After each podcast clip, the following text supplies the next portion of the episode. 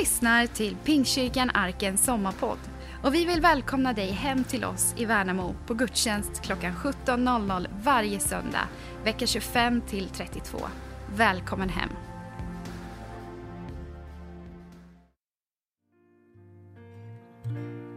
Tack Jesus, tack Jesus. Ska vi tacka Jesus där vi står eller sitter just nu och bara prisa honom och ära honom för att han är på tronen. Han lever idag, han är här mitt ibland oss. Bibeln säger att var två eller tre samlade i hans namn så finns han där. Tänk att Jesus är här.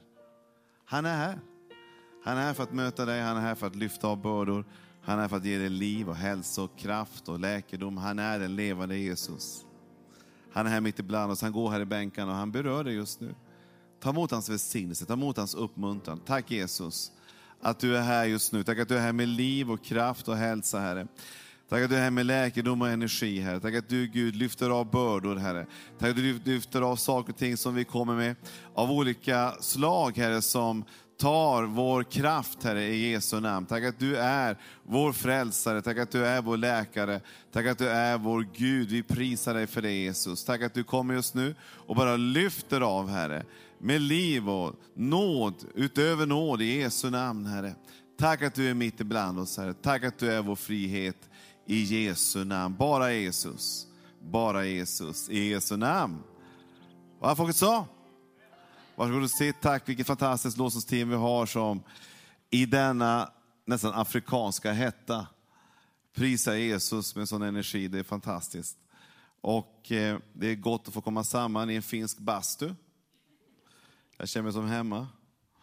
Eh, vi hade en, eh, en predikant hos oss för några år sedan i eh, Göteborg, i Gilead. Han eh, var gästpredikant och predikade med enorm kraft. Många blev frälsta, tog emot Jesus. Det var väldigt varmt där inne. Vi höll på länge. Eh, svetten rann. Eh, det var lite mörkt. Han, eh, när man kommer över en viss ålder då har man glasögon. Så han tog av sig dem och såg inte så jättetydligt. Han skulle gå av scenen. Och eh, där har, i Gila så finns ju dopgrav precis som den här. På sidan. Och, men man, man gick ner precis bredvid dopgraven, gick man ner för att komma ner till sitt, sitt plats. Eh, han gick, skulle gå ner, men av någon orsak så gick han till vänster istället för till höger. Eh, och så han traskade på och det gick ett sus genom hela kyrkan, allting stannade av. För alla såg plötsligt att han går rakt ner i dopgraven, som var fylld. Eh, och så känner jag just nu att jag skulle vilja göra. Eh, det ska vara skönt att kyla av sig. Det är någonting, jag tror att det är något, någonting där som står, står i vägen. Men vi tror på mycket dop här i kyrkan. Vi har fått döpa en del, men vi tror på ännu fler. Ska vi döpa, eller hur? Eh, och det var tre stycken som tog emot Jesus. Igår här jag har tre uppföljningslappar som är på mitt, på mitt kontor där uppe, som jag ska ringa den här veckan. Tre stycken tog emot Jesus när Sebbe Staxet var här. Det är värt en applåd faktiskt. Och det var många fler också. Men de är väldigt duktiga på att eh, skicka uppföljningskorten till olika ställen här i Småland. Eh, och vi har tre stycken dyrbara själar att ta hand om. Det är en väldig glädje. Tänk mitt i sommaren. Eh, när det är som hetast, där kan Gud verkligen verka. Det är helt fantastiskt. Gud, Gud är en god Gud och han vill eh, lyfta människor. Det som är så spännande med, med, med just att få vara med Jesus, det, det är att få se när han börjar verka på människor, hur han lyfter. Överallt, hur vet man att Jesus har varit i rummet? Man blir lyft. Man känner att någonting lyfts av. Om du har fjällvandrat någon gång och gått länge, jag har gått i Padjelanta någon gång och så här och fjällvandrat och det är, sån, det är lång stigning eh, upp.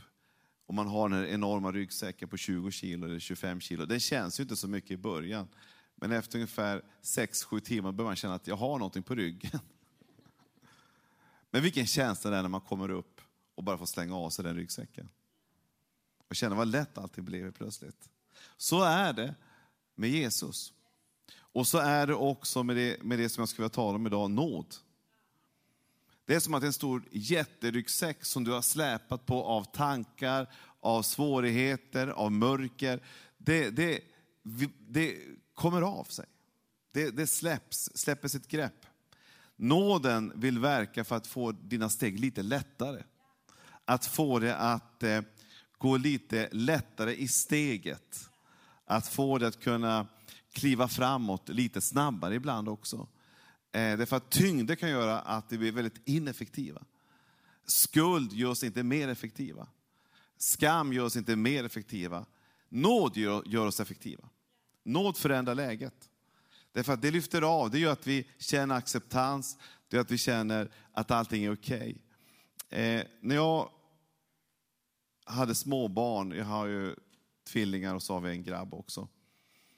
Eh, och flickorna, de, de, när jag åkte på dagis och skulle hämta dem, då kom de, de såg mig på håll alltid och skrek varje gång. För de var så förtjusta i att jag kom och skulle hämta dem. Eh, så de kom från två håll eh, och slängdes upp samtidigt och ville kramas. Så är det inte längre. 17 år senare. Utan, utan, men jag fick faktiskt en kram häromdagen. För mig var det stort. Nu räknar jag tillfällena. Det, det, det är inte i, i masspack längre, utan man, man, är glad varje gång man får dem. Det, man räknar sekunder. Man skulle gärna vilja att någon tog en selfie nu, eller att man tog ett kort, för det, det är nåd. Men vad är en kram för någonting? Det är en känsla av att det är okej. Okay. Det känns bra. Vi har connection. Eh, allting känns bra i gemenskapen. Det är vad en kram kan få betyda. Och det är exakt vad nåd är för någonting. Det är en känsla av att allting är okej. Okay. Det, det är bra. Det är, eh, du är accepterad, du är innesluten, du är en del. Många människor känner sig väldigt utanför. Många människor idag känner att de inte får vara med. Många känner sig inte alls välkommen. Men nåden välkomnar. Nåden embracear dig, nåden kramar om dig. Och nåden vill krama om dig här den här eftermiddagen. Får dig att känna att du inte är utanför. Du är inte på något sätt i distans, utan du är innesluten. Av hans nåd, av hans kärlek. Det är en otrolig upplevelse varje gång man får känna den här kramen, tycker jag. Eh, och eh, jag vet inte, den, jag tycker ändå att arken är ganska kramig. Eh, men jag tror det finns några nivåer till. på, på ett bra sätt. Men jag tror att det finns en, en, en, en, en koppling där av att kunna visa att ja, men du är viktig. Du betyder någonting. Vi behöver den känslan hela tiden. Eh, vi behöver få känna det i våra liv. Speciellt när vi känner att allting inte funkar runt omkring oss. Att allting inte eh, går som på räls. Det hackar, det haltar. Man haltar sig fram. Men nåden gör att vi går med lite lättare steg och vi känner oss inneslutna och, och viktiga. Eh, man hade en undersökning, eller man hade ett samtal. C.S. Lewis, han som har skrivit Narnia, jag vet inte om ni kommer ihåg de böckerna, det finns filmer om det också. Narnia-filmerna, de är fantastiska tycker jag. Jag bara söker garderober överallt. Jag vill gå in och testa och se om det funkar. Dunk, det gick inte. Men det är, en, det är en speciell känsla att gå in i den här fantasivärlden. Jag älskar fantasi. Eh, men det handlar om att komma in i en, en annan värld, men egentligen så är det en bild på Guds rike. Eh, och det finns en, en karaktär som heter Aslan, det är en bild på Jesus. Eh, och eh, eh, det, det C.S. Lewis Samtalet tillsammans med Tolkien, Gerald Tolkien, han var, han var en mycket god vän till honom. Det var ju han som skrev Sagan om ringen. Det var en ganska stor grupp i Oxford som hade samtal, man hade diskussioner om eh, olika typer av ämnen. Och ett ämne som, som dök upp vid det tillfället, vid tillfälle, det var vad är skillnaden mellan, vad är det unika med kristendomen? Vad är det som särskiljer kristendomen från alla andra religioner? Vad är det som gör att kristendomen är så speciell? Man eh, hade mycket samtal, man funderade mycket fram och tillbaka. Och till slut så kom man fram till att det finns endast en sak som verkligen, verkligen särskiljer kristendomen från alla andra eh, religioner. Det är att det finns förlåtelse. Det finns nåd. Det handlar inte i första hand om gärningar, att jag ska göra någonting för att kunna blidka Gud, utan det handlar om att han redan har gjort allting. Och det vi får göra är att ta emot. Så du som känner prestation, det finns inte egentligen utifrån Jesu perspektiv. Däremot får vi tjäna utifrån att vi älskar någon. Vi älskar någon så mycket så att vi vill göra någonting för honom. Det är en annan situation.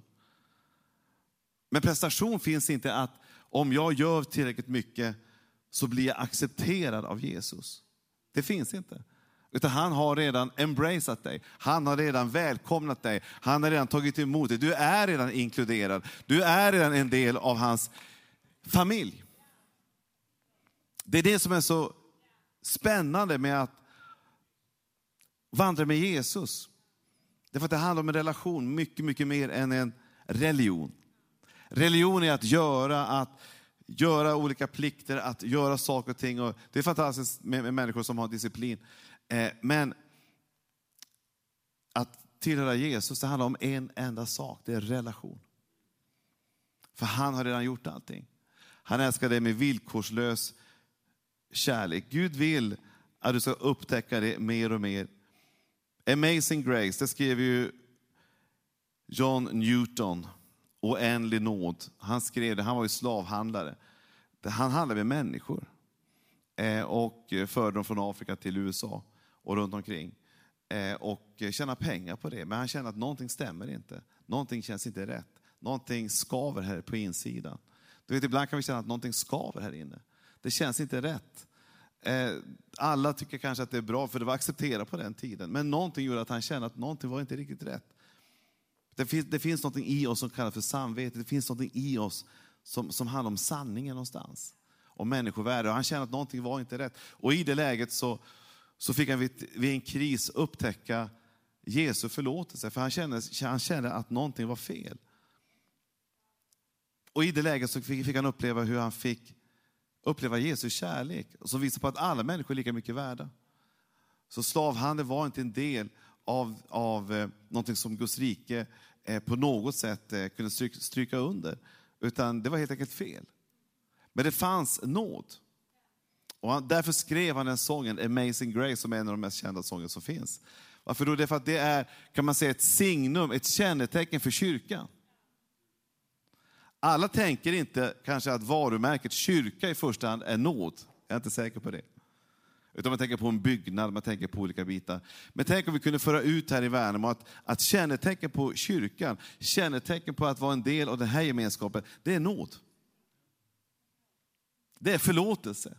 Det är upprättelse. Det är en ny chans. Det är en ny hållning. Det är en ny väg framåt. Det är hur, hur ryggsäckar slängs av. Jag skulle vilja se hundra ryggsäckar slängas av varje söndag här. Av skuld, skam, otillräcklighetskänslor, att jag får inte vara med och så vidare. Att det får slängas av och man går lättare härifrån. Det är nådens kraft. Det kom en kvinna fram till Jesus som hade en riktigt tung ryggsäck av skam över sig. Det står om henne i Johannes evangeliet 8, 1-11.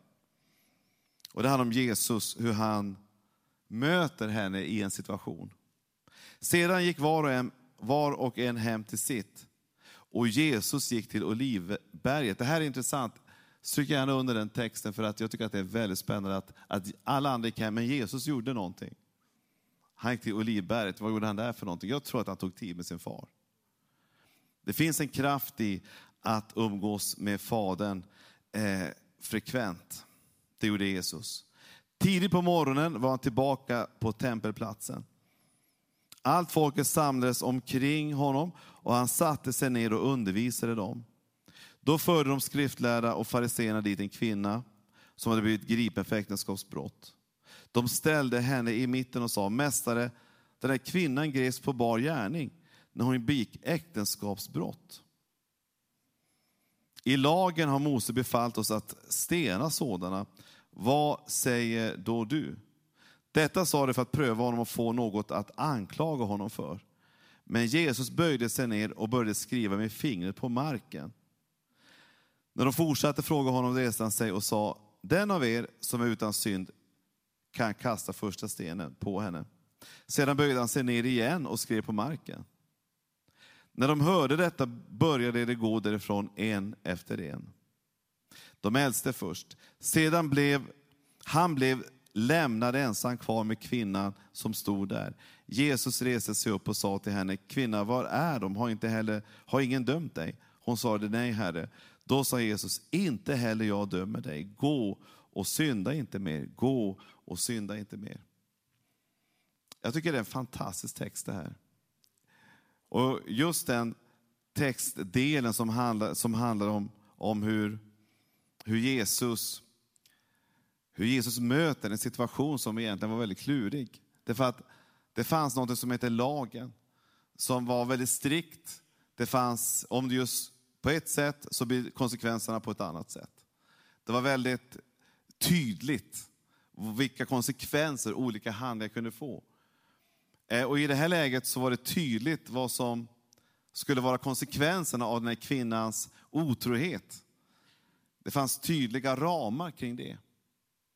Men Jesus, han, han hittade en annan väg. För Jesus är inte i första hand där för att vinna olika diskussioner, han är här för att rädda människor. Jesus är inte här i första hand för att visa på alla punkter vi ska följa efter, han är här för att ge oss frihet. Jesus, han, han gör någonting här. Det är att han möter en kvinna som har blivit ertappad. Mannen är inte med, det är mycket märkligt. Det är bara kvinnan där. För det måste ha varit två stycken tycker jag. Det kan inte bara handla om en person. Eh, annars vore det märkligt. Men mannen är inte med. Men kvinnan däremot är där. Och hon får bära alltihopa. Det står ingenting om någon man någonstans. Hon får bära hela bördan. Stå där i en cirkel, stå i mitten. Och vad fariseerna gör, det är att vad är det för straff vi ska ge den här kvinnan? Vad är det för någon konsekvens vi ska utmäta åt henne? Hon har ju gjort fel. En del människor är väldigt, väldigt fokuserade vid det som är fel. Vad som gick fel. Hur kunde det gå så här? Vad var det jag sa? Visst blir det så här.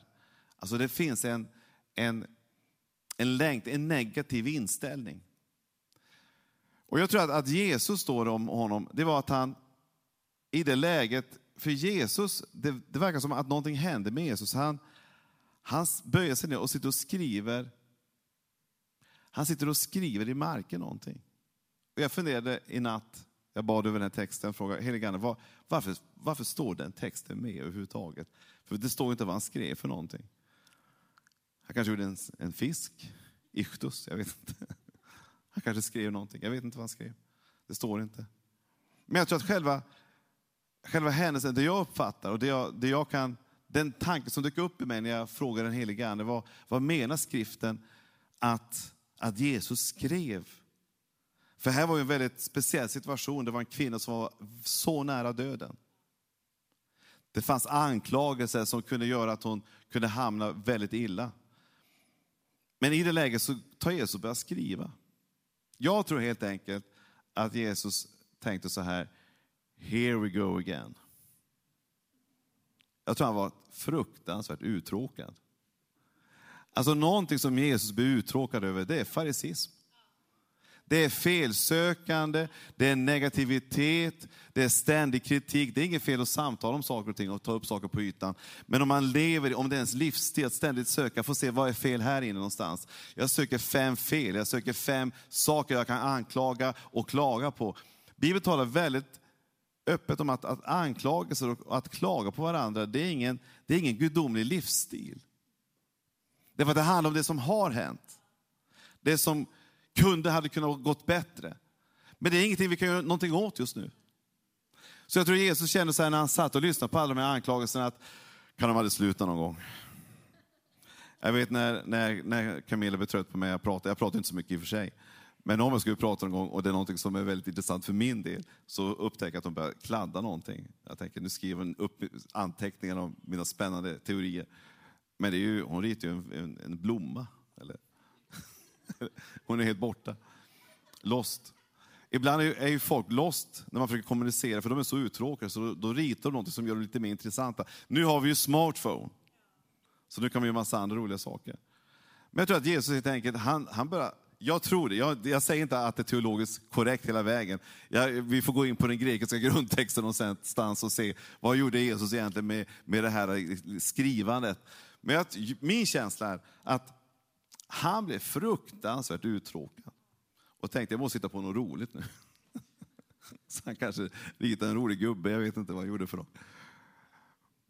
För att farisism och negativitet, vi kan, ha, vi kan ha en del av den naturen i oss allesammans. Jag är extrem, egentligen i min natur så är jag väldigt melankolisk. Extremt melankolisk. Jag blir otroligt lätt ältande, negativ. Tack och lov har den helige ande någonstans han hjälper mig och lyfter mig hela tiden. Jag är tacksam för honom. Men det finns något i oss som kan vara negativt. Men, men Jesus har kommit för att ge oss framtid. Han, det enda han var ute efter det var att ge framtid. Att ge ett hopp, för det handlar om framtid. Att ge tro, för det handlar om framtid. Att ge kärlek, för det handlar om framtid. Han var inte först för att få del av, få se vem gjorde fel här nu. För Bibeln säger att Människosonen har inte kommit först för att döma världen, utan för att rädda världen, står det i Johannes 3. Han har kommit för att rädda världen. Han har kommit för att, för att rädda sjunkande människor och få upp dem i ytan igen och ställa dem på fast grund i Jesu namn.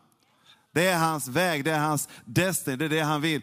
Så allt det andra, det är, jag tror att det i vissa lägen kanske till och med tråkar ut Jesus. Tänker nu kommer de igen med det ältandet. Ja, det är det och det är det. Det finns alltid något negativt. Du kan säkert hitta något jättenegativt av min predikan just nu. Men säg det inte till mig bara. Men, men du, du tänker säkert det. Men det, finns, men det finns också något positivt. I alla fall tala om Jesus. Det är ju någonting väldigt bra. Så man kan ju söka alltid olika typer av aspekt och ingångsvärden.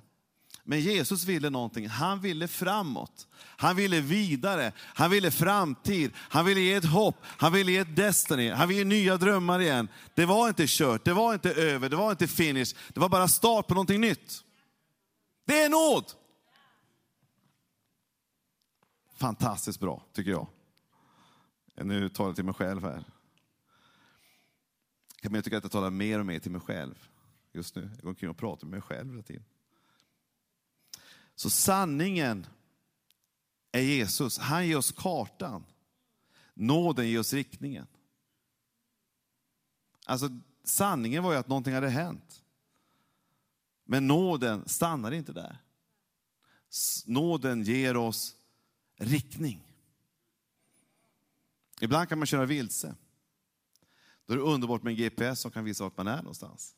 Fortfarande så använder jag GPSen här i Värnamo. Jag tror att de dagarna räknade. För det är inget våldsamt fält. Jag börjar kunna gatorna, vart ni befinner er någonstans. Men det är underbart att kunna ha en GPS som kan visa på att nu är du fullständigt tokigt ute. Det är sanningen. Och Jesus han kom för att ge oss både sanning, men det stannar inte där. Men det måste finnas med. Vi måste kunna tala sanning. Men han kom också för att ge oss nåd. Det är framtid, det är ett hopp. För Gud vet att sanningen, den är viktig. Men nåden ger oss framtid. Ingen av oss hade kunnat göra någonting egentligen om vi, inte hade, om vi bara hade haft sanningarna hela tiden presenterade. Men nu har vi någonting ytterligare, det är att vi har nåden presenterad för oss. Att du är accepterad, du är förlåten, det finns en framtid. Nåden handlar om att du är gränslöst älskad. Du behöver inte göra någonting, du kan bara ta emot. Därför att du är Guds barn, jag har gjort redan allting klart. Det är nåden. Så Gud vill att du ska falla vid hans fötter och bli stående av hans kärlek. Jag tar det en gång till. Han vill att du faller ner vid hans fötter men blir stående i hans kärlek. Vi kan falla, vi faller alla, men fall rätt. Jag var med om något helt enastående under en period, jag avslutade ganska snabbt. Jag gick med i en klubb som heter MMA. Det är alltså eh, det var några kompisar som fick med mig på en träningspass, ett antal, vi höll på ett halvår. Sen gick det inte längre. Eh, därför att jag, jag, jag klarar inte av att falla rätt. Det här är ju en, en sport där alla kampsporter är inbakade i ett enda moment. Och jag kan ju ingen kampsport. Så att det var, det var jujutsu, det var judo, det var alla möjliga olika delar. Och, men allting handlar väldigt mycket om att, att när du faller så för allt i världen, fall rätt. Eh, och när det gäller Guds rike, vi kan falla, men vi kan falla rätt också. Om vi faller, så faller vi i Jesu fötter. Många som faller, de, de, de faller bort från kyrkan. De faller bort från gemenskapen, de faller bort från bibelläsningen, de faller bort från bönerna, de faller bort för de känner att jag inte är värd, jag, någonting har, det har blivit en glasvägg här, jag, jag kan inte vara med längre, jag måste gå in i karantän en period tills jag känner att känslorna kommer ikapp. Men nåden säger, du är fri.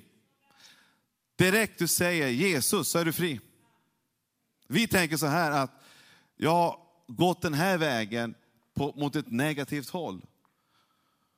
Så jag måste gå hela vägen tillbaka, omvändelse. Vi tror på omvändelse, absolut gör vi det. Men vi, vi tror att vi ska gå hela vägen tillbaka för att komma i någon slags balans igen. Men faktum är att jag har upptäckt, vilket har tagit nästan 30 år av mitt liv att upptäcka, tillsammans med Jesus, att när jag går till här hållet, att jag hamnar i grubblerier och negativt tal och negativt tänkande. Och jag tänker, nu vill jag sluta med det här för jag känner att det är fel. Då tänker jag, då, då ska jag gå tillbaka. Men då upptäcker jag att Jesus står ju redan här. Han har följt mig hela vägen. Han, jag behöver inte gå hela, därför att nåden följer mig hela vägen.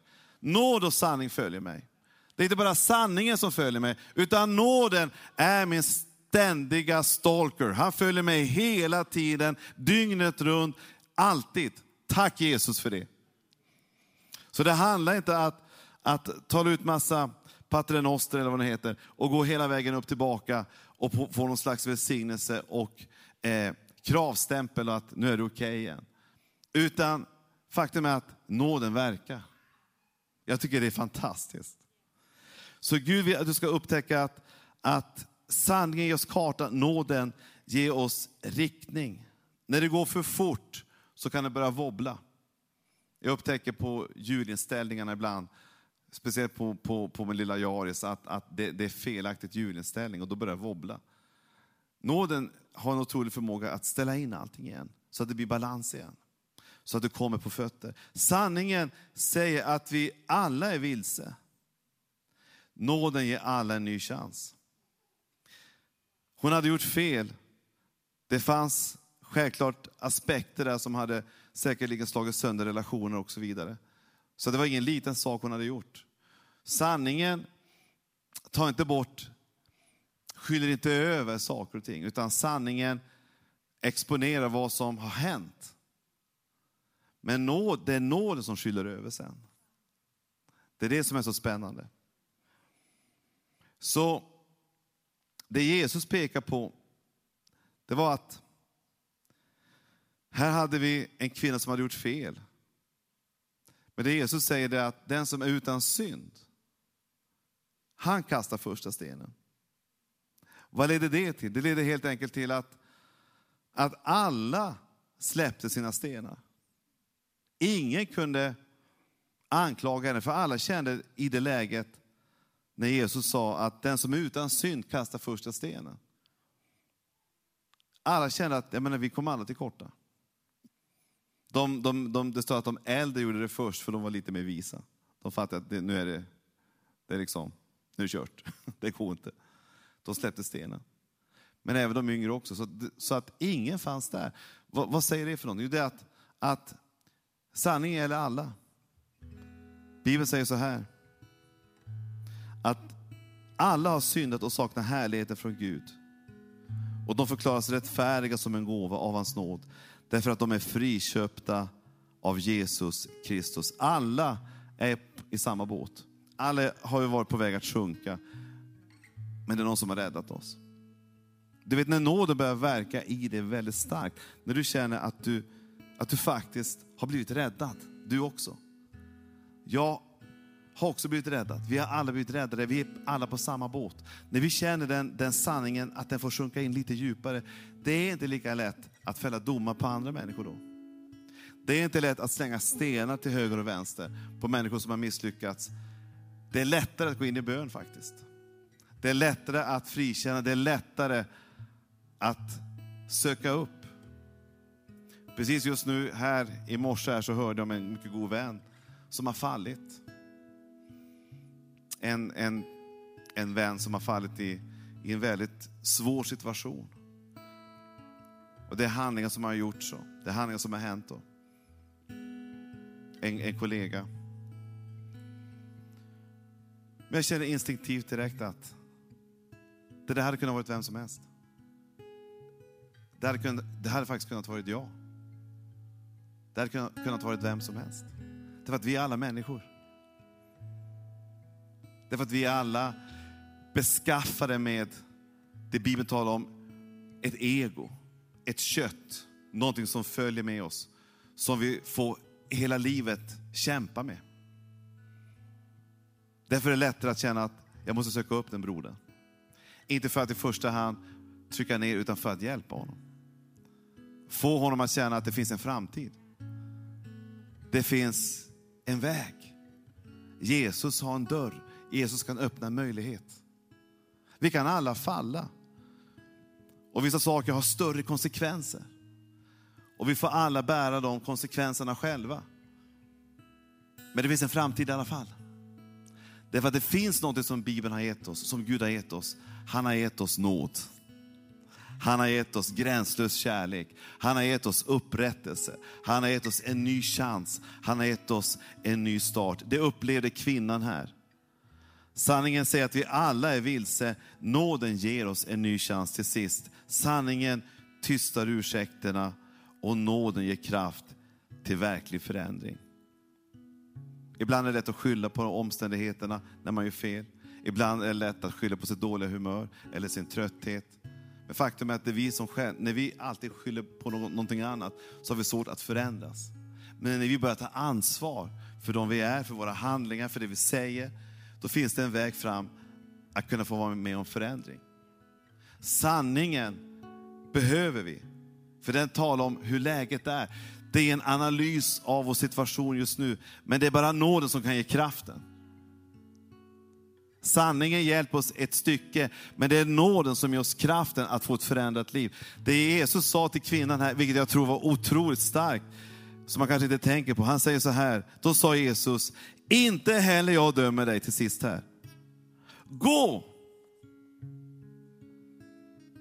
Och synda inte mer. Menar Jesus det han säger där? Jag tror faktiskt att han menar det han säger.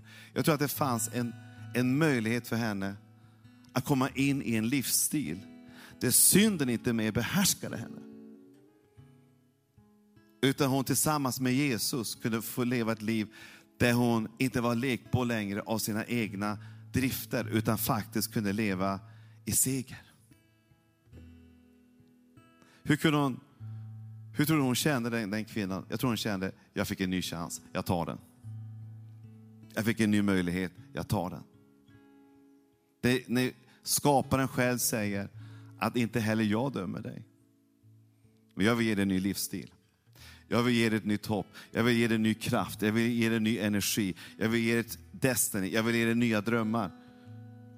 Gå in i framtiden, men med en ny kraft och ett backup. För vad nåden handlar om, det är att du upplever i ditt hjärta och i din själ och i din ande att det finns någon som tror på dig.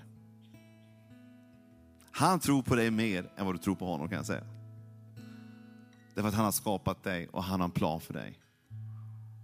Det vi får göra är att vila i den förtröstan att Gud tror på oss. Gud tror på dig. Gud har en framtid och han har ett hopp. Så Gud vill ge dig den uppenbarelsen. Som det står i Jakobsbrevet. Men större är nåden han ger. Därför heter det, Gud står emot de högmodiga, men ger nåd åt de ödmjuka. Underordna er därför Gud, stå emot djävulen, så ska han fly ifrån er. Närma er Gud, så ska han närma sig er. Rena era händer, ni syndare, och rena era hjärtan, ni splittrare.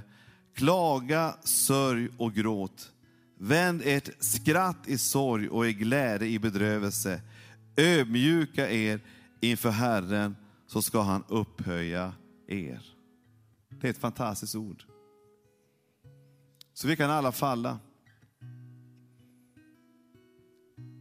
Vi kan alla falla i olika saker, men det finns en väg fram. Och det är upprättelse genom Kristus. Jag är helt övertygad om att min vän som har fallit är en mycket svår relationell utmaning. Det finns en framtid för honom. Jag har inte fallit i någon sån synd. Jag har heller inte fått några erbjudanden. Men det finns en väg framåt. Det finns en väg framåt när det gäller frestelser. Och Gud vill ge dig en framtid och han vill ge dig ett hopp. Ska vi be tillsammans och be att Jesus får ge dig liv i överflöd. Han får ge dig liv och kraft. Amazing grace. Det gäller än idag. Det finns nåd för framtiden. Det finns nåd Vad du än känner själv att du har gått igenom som är svårt och utmanande, så finns det nåd. Det finns en upprättelse, det finns en ny chans. Det finns självklart konsekvenser ibland att dela med. Det finns människor som man behöver be om förlåtelse. Men det vill nåden ge dig kraft att gå de vägarna. Det finns människor du behöver kanske hjälpa och stötta, det kanske är saker och ting du behöver ordna upp och berätta. Men Gud vill ge dig den kraften. Nåden är otroligt stark. Därför att du känner dig älskad. Du står på en, på en bas av acceptans, av kärlek och uppmuntran. Ska vi be tillsammans? För vi alla böjer våra huvuden tillsammans. Vi är ju alltid i vår kyrka. Vi vill ge dig chans och möjlighet att ta emot Jesu kärlek just nu. Du kanske känner att du är helt utanför hans inflytande. Du har tappat hans hjärtslag, du har tappat hans tankar om ditt liv, du har tappat hans vägar. Men han vill ge dig någonting nytt. Han vill ge dig en framtid. Han vill ge dig ett hopp. Han vill ge dig någonting välsignat. Han vill resa dig upp igen. Han vill ge dig liv i överflöd. Han vill ge dig allt vad du behöver just nu. Som du finns här som säger, jag vill ta emot Jesus i mitt hjärta. Jag vill ta emot Jesus i, min, i mitt sinne. Jag vill ta emot honom som min, som min frälsare, som min Gud, som kan komma visserligen med sanningen, men alltid kryddat med kärlek. Men han kan också komma med nåd, för han vill ge dig kraft för framtiden. Han vill ge dig kraft för nästa steg. Han vill ge dig kraft in i det Gud har kallat dig till. Om du finns här som känner, jag vill ta emot Jesus i mitt hjärta just nu, jag vill ta emot honom i mitt sinne, så kan du precis just nu räcka upp din hand, bara rakt upp i luften. Gud välsigna dig. Är det någon fler som bara lyft din hand? Gud välsigna dig också. Är det någon fler som bara lyft din hand, bara rakt upp, ska vi be till Jesus att han får fylla dig med nya perspektiv, han får fylla dig med en ny frihet, en ny känsla av tro och framtid i Jesu namn. Jag ber först och du ber efter. Tack Jesus, att du älskar mig, att du har en plan för mitt liv att du vill mitt bästa. Tack att jag just nu får bli Guds barn. Tack att du förlåter mig mina synder och rena mig i ditt blod. Tack Jesus att jag just nu är Guds barn. Fylls av kraft att vandra med Jesus i seger, i glädje och i frihet. Den som sonen är fri, han är verkligen fri. I Jesu namn. Amen. Fader, jag tackar dig Herre, för det du gör just nu Herre, i människors liv Herre. Tack att du förlöser tro Herre, favör och framgång i Jesu namn Herre. Tack att du tar bort all typ av känsla av maktlöshet Herre, och du kommer med nåd i Jesu namn. Prisa dig för det. Du har lyssnat till söndagens predikan från Pingstkyrkan Arken i Värnamo. Vill du komma i kontakt med oss så hittar du oss på arkenvmo.se. Välkommen hem till oss.